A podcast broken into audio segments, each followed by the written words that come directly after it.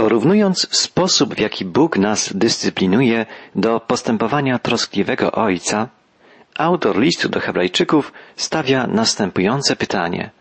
Szanowaliśmy własnych ojców, chociaż nas karcili. Czyż nie powinniśmy okazywać jeszcze większego posłuszeństwa Ojcu, który jest dla nas dawcą ducha i życia? Jest to pytanie bardzo logiczne. Skoro okazujemy szacunek naszym ziemskim ojcom, mimo że poddają nas dyscyplinie, czy nie powinniśmy okazywać posłuszeństwa niebiańskiemu Ojcu, który jest dla nas dawcą ducha i życia? Autor listu podkreśla, że Bogu Ojcu zawdzięczamy o wiele więcej, właściwie wszystko, swoje istnienie, życie, także w sferze duchowej, w wymiarze wiecznym. A więc winniśmy Mu posłuszeństwo, szacunek, podziw, wdzięczność. Żyjemy w stworzonym przez Niego świecie, ogromnym, podlegającym Jego prawom i powinniśmy zgodnie z Jego regułami, również moralnymi, postępować, działać, żyć na co dzień. Tym bardziej, iż wiemy, że jest On Ojcem dobrym, kochającym nas, że troszczy się o nasze dobro. A to, że musi nas nieraz karcić, dyscyplinować, spowodowane jest naszą grzesznością, naszym nieposłuszeństwem, naszą krnąbrnością. Jesteśmy dziećmi Bożymi, odkąd dzięki wierze narodziliśmy się na nowo. Ale w naszym życiu wiary musi stale następować rozwój, wzrost ku dojrzałości, w którym to procesie Boże karcenie odgrywa ważną, oczyszczającą rolę. Posłuchajmy, co autor listu pisze w dwunastym rozdziale od wiersza dziesiątego. Nasi ojcowie wymierzali nam karę od czasu do czasu, według swojego uznania. Nasz jedyny Ojciec zsyła na nas karę dla naszego dobra, abyśmy mieli udział w Jego świętości. Niektórzy ludzie, nawet głęboko wierzący, odnoszą czasem takie wrażenie, że Bóg gniewa się, gdy syła na nich trudne doświadczenia. Ale prawda jest taka, że niebiański Ojciec zawsze, karcąc nas, ma na uwadze nasze dobro. On chce nas oczyszczać, chce nas kształtować, żebyśmy, jak czytamy, mieli udział w Jego świętości. To znaczy, żebyśmy byli coraz bardziej oddzieleni od grzechu, a bliżsi Jemu. Słowo świętość znaczy inność, oddzielenie. Chociaż człowiek wierzący żyje w tym świecie, nie należy już do niego, jako do systemu wartości stworzonego przez człowieka. Ma być inny, ma się różnić od tego świata, oddzielić się od niego, w sensie moralnym, duchowym. Zasady postępowania wierzącej osoby różnią się od standardów, które powszechnie przyjmowane są przez ogół społeczeństwa. Wierzący człowiek kieruje się Bożymi standardami. Podporządkowuje się prawdzie Bożego Słowa. Celem człowieka wierzącego jest głównie nie ułożenie sobie poprawnych stosunków z ludźmi, ale życie w przyjaźni z Bogiem. Celem jego życia stało się bowiem przygotowanie się na spotkanie z Bogiem. Nie zapomnijmy tej prawdy. Naszym głównym celem, jako ludzi wierzących, jest bycie gotowymi na spotkanie z Bogiem. Oczywiście taki sposób życia to życie pod prąd, wbrew przyjętym regułom, wbrew zasadom tego świata rządzonego przez ludzki egoizm, ceniącego władzę, materialne bogactwo, świata goniącego za karierą, za sławą, za łatwymi przyjemnościami. Nie jest łatwo żyć inaczej w takim otoczeniu.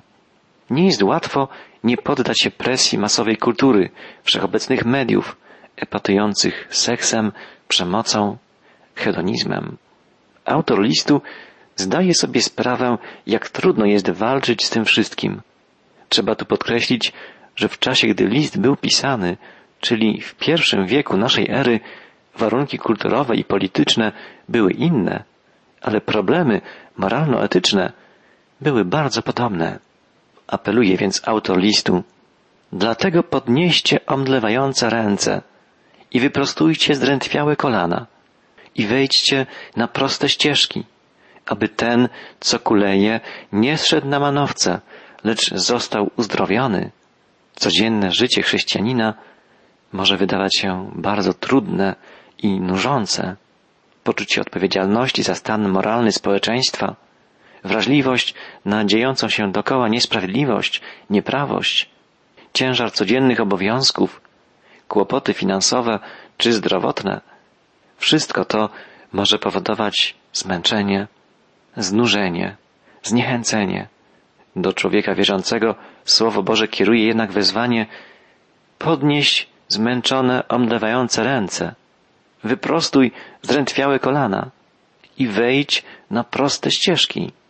Na dłuższą metę prawość, prostolinijność, wierność Bożej prawdzie przynoszą zbawienny skutek. Dają poczucie spełnienia, kroczenia właściwymi, prostymi ścieżkami. Dają pewność, że kroczy się do celu w sposób właściwy, że zna się cel i sens życia. Zaufanie, posłuszeństwo okazywane Bogu prowadzą do regeneracji sił, do odzyskania, nawet pomnożenia swoich możliwości. Zgodnie z obietnicą przekazaną nam przez proroka Izajasza. Ci, którzy ufają Panu, nabywają nowych sił, podnoszą się w górę jak orły, mdleją, a nie ustawają, biegnąc, nie spracują się. To wspaniała obietnica dla każdego wierzącego człowieka, zmagającego się z trudami codziennego życia. Podobne myśli zawarł w swym drugim liście do Koryntian apostoł narodów. Zewsząd uciskani, nie jesteśmy jednak pogrębieni, zakłopotani, ale nie zrozpaczeni, prześladowani, ale nie opuszczeni, powaleni, ale nie pokonani, zawsze śmierć Jezusa na ciele swoim noszący, aby i życie Jezusa na ciele naszym się ujawniło. Nigdy nie możemy zapominać, że pomimo wielu trudności, obowiązków, przeciwieństw, możemy być pewni końcowego zwycięstwa, dzięki temu, że wiemy, iż ostatnie słowo w każdej sprawie należeć będzie do zmartwychwstałego Pana, naszego Pana i Króla i Zbawcy, Jezusa Chrystusa. Zwróćmy uwagę, że autor listu do Hebrajczyków apeluje, żeby chodzić prostymi ścieżkami, nie tylko dla własnego bezpieczeństwa, nie po to, by zwyciężać w pojedynkę, ale aby pomóc także innym, aby ten, co kuleje, nie szedł na manowce, lecz został uzdrowiony, podkreśla autor listu. W każdej chrześcijańskiej wspólnocie zawsze są ludzie słabsi, bardziej podatni na zmęczenie, mniej odporni, gotowi zrezygnować z trudnej codziennej walki o prawdę, o dobro, o zwycięstwo miłości. Obowiązkiem silniejszych jest wspierać takich ludzi, wzmacniać ich omdlałe ręce, wspierać ich chwiejne nogi. Ludzie słabi łatwo mogą zboczyć z właściwej drogi, zagubić się, upaść. Dlatego trzeba im pomagać, dodawać sił, przypominać o celu, wskazywać na przewodnika, zwycięzcę, pana panów, króla królów. Znamienne jest to, że wyrażenie omdlałe ręce znajduje się również w Starym Testamencie, w opisie wędrówki ludu izraelskiego przez pustynię. Umęczeni trudami tej wędrówki, Izraelici zapragnęli powrotu do Egiptu, gdzie prowadzili, jak się im zdawało, łatwiejsze, bardziej dostatnie życie. Być może w sensie materialnym tak było, mimo trudów i ograniczeń niewoli. Ale przecież była to przede wszystkim niewola duchowa, zniewolenie kultami pogańskich bożków. Naród wybrany oddalał się od swego Pana, żywego Boga. Groziło to jego unicestwieniem, utratą duchowej i narodowej tożsamości. Dzisiaj także lud nowego przymierza zagrożony jest odstępstwem, odejściem od Pana. Zapatrzeni w bogactwa tego świata, ludzie mogą utracić bogactwa o wiele większe, ważniejsze i trwalsze, niezniszczalne. Mogą utracić tożsamość Bożych dzieci. Mogą chybić celu, którym jest dom niebiańskiego Ojca. Musimy wspierać ją nawzajem. Silniejsi muszą pomagać słabszym, żebyśmy nie zeszli z prostej drogi, drogi wąskiej, niepopularnej, ale jedynej prowadzącej do nieba. Ktoś powiedział, że największym przywilejem człowieka wierzącego jest pocieszanie tych, którzy są bliscy rozpaczy, wspieranie tych, których zawiodły własne siły. Chrześcijanin ma podwójne życiowe zadanie zachować czyste, szczere serce względem Pana i kroczyć prawymi, prostymi drogami, by być świadkiem Bożej łaski dla swoich bliźnich. Wierzący człowiek musi stale otwierać swoje serce dla Boga, a wobec ludzi ze swego otoczenia ma być przykładem przemienionego, prawego życia. Obowiązkiem chrześcijanina jest pokazanie bliźniemu właściwej drogi do Boga, danie mu przykładu kroczenia tą drogą, usuwanie z niej wszelkich przeszkód mogących spowodować potknięcie, ułatwianie kroczenia nią ludziom słabym. Swoje serce człowiek wierzący musi ofiarować Bogu, a swoją służbę i osobisty przykład swoim bliźnim. W tym dziele życia ważną rolę odgrywa proces Bożego dyscyplinowania. Gdy Bóg nas doświadcza, karci, próbuje, wtedy zachowujemy czujność, aktywność, rozwijamy się, doroślejemy. Przypomnijmy słowa autora listu. Nasi ojcowie wymierzali nam karę od czasu do czasu, według swojego uznania.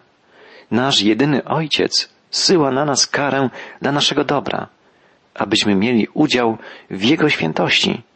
To jest cel Bożego karcenia, nasze uświęcenie, nasz udział w świętości Boga. Autor listu dodaje, żadna kara nie jest przyjemna w danej chwili, lecz bolesna. Potem przynosi zbawienny skutek tym, którzy są wychowani w duchu sprawiedliwości. Można powiedzieć, że to jest istota problemu. Żadne karcenie nie jest przyjemne w danej chwili. Dopiero potem przynosi zbawienne skutki. Karcenie nie jest przyjemne, jest bolesne. I to nie tylko dlatego, kto jest karcony. Pewien ojciec powiedział niegrzecznemu dziecku, zanim wymierzył mu karę. Synu, to będzie bolało bardziej mnie niż ciebie. Tak, odpowiedział chłopiec, ale nie w tym samym miejscu, co mnie. Naszemu niebiańskiemu Ojcu karcenie nas nie sprawia żadnej przyjemności. Raczej przynosi smutek. Nasza grzeszność zasmuca Boga. Bóg musi nas stale napominać, korygować. Karci nas, dyscyplinuje, bo jest to konieczne, bo tego potrzebujemy. Bóg nigdy nie karci nas bez przyczyny. Zawsze ma na uwadze określony cel. Jest nim wydawanie błogiego owocu sprawiedliwości przez tego, który poddawany jest karceniu. Tak czytamy w liście do Hebrajczyków. Błogi owoc sprawiedliwości to po prostu przemienione życie. Życie ociosane, oszlifowane przez rylec cierpienia. Jeden z wybitnych humanistów napisał, u niektórych bardzo cierpiących dostrzegałem niezwykłe piękno ducha. Widziałem u większości ludzi, jak w miarę starzenia się stają się lepsi, a nie gorsi. Widziałem też, jak ostatnia śmiertelna choroba wzbudza całe pokłady siły ducha i łagodności u tych, u których najmniej się tego można było spodziewać. Uznawany za jednego z największych apologetów chrześcijaństwa, angielski pisarz C.S. Lewis napisał w swej książce pod tytułem Problem cierpienia taką osobistą refleksję nad skutkami karcenia nas przez Boga.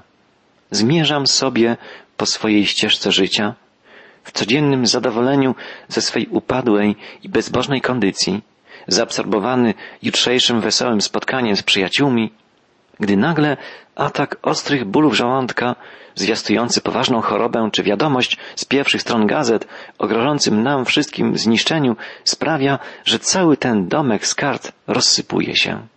Początkowo uginam się pod tym ciężarem, a całe moje małe szczęście wygląda jak pusta zabawka.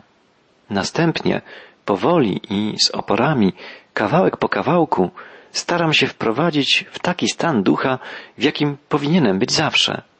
Uświadamiam sobie, że wszystkie moje zabawki nigdy nie miały opanować mojego serca, że moje prawdziwe dobro znajduje się w innym świecie, a moim jedynym prawdziwym skarbem jest Chrystus.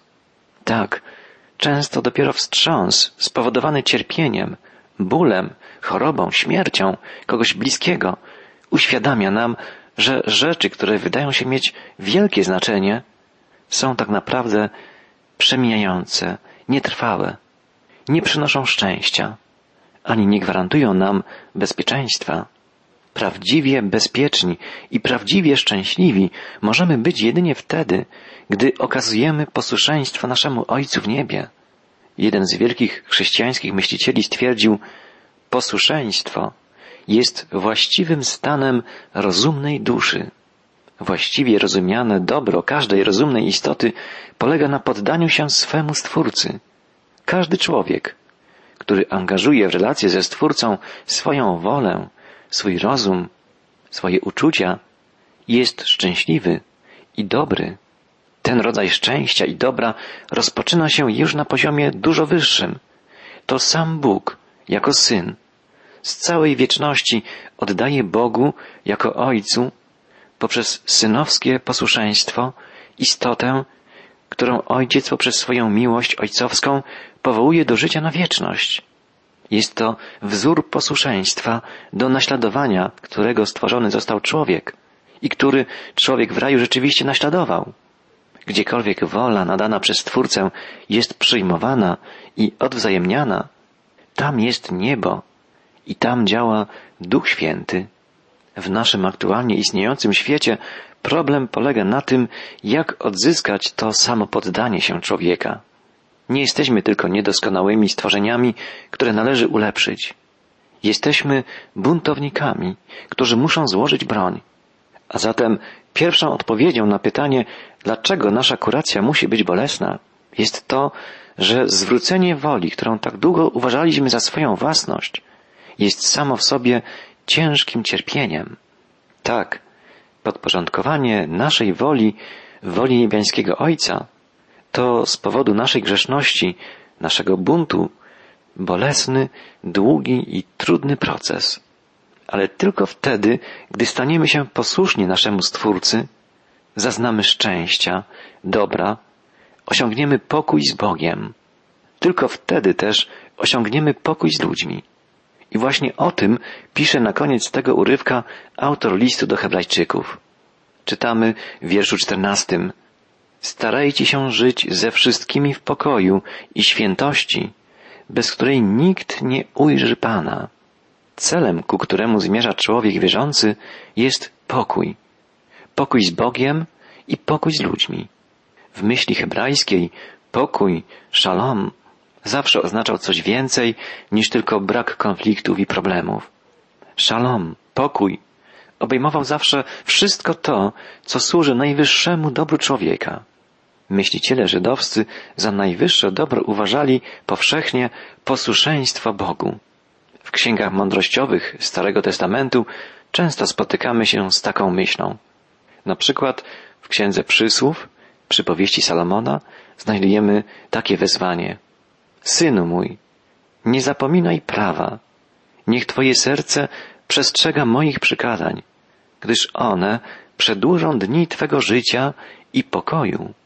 Posłuszeństwo Bogu i Jego Słowu przynosi tak upragniony skutek życie w pokoju, w łączności z Bogiem. Wierzący człowiek musi dążyć do okazania Bogu pełnego posłuszeństwa, gdyż w tym odnajdzie swoje największe szczęście, najwyższe dobro, którym jest pokój, pokój z Bogiem. Po drugie, pokój to właściwe relacje pomiędzy ludźmi, właściwe współżycie w ludzkiej wspólnocie, pozbawione nienawiści, niechęci, zazdrości, pełne życzliwości i szukania dobra swoich bliźnich. Wezwanie autora listu do Hebrajczyków brzmi więc następująco. Starajcie się żyć w taki sposób, by budować dobre związki z bliźnimi, by wspólnie budować jedność wypływającą z łączności z Bogiem. Powtórzmy, starajcie się żyć w taki sposób, by budować dobre związki z bliźnimi, by wspólnie budować jedność wypływającą z łączności z Bogiem. Tak, im bliżej jesteśmy Boga, tym bliżej jesteśmy siebie. To niezaprzeczalna prawda. Pokój, którego wszyscy pragniemy, jest osiągalny wtedy, gdy żyjemy z Bogiem na co dzień, gdy jesteśmy posłuszni Bożej woli, podnoszącej życie człowieka na wyższy poziom. Zwróćmy przy tym uwagę, że do takiego pokoju trzeba dążyć, trzeba o taki pokój zabiegać. Potrzebny jest tu nasz wysiłek, zaangażowanie naszej woli, naszych zdolności intelektualnych, emocjonalnych i duchowych.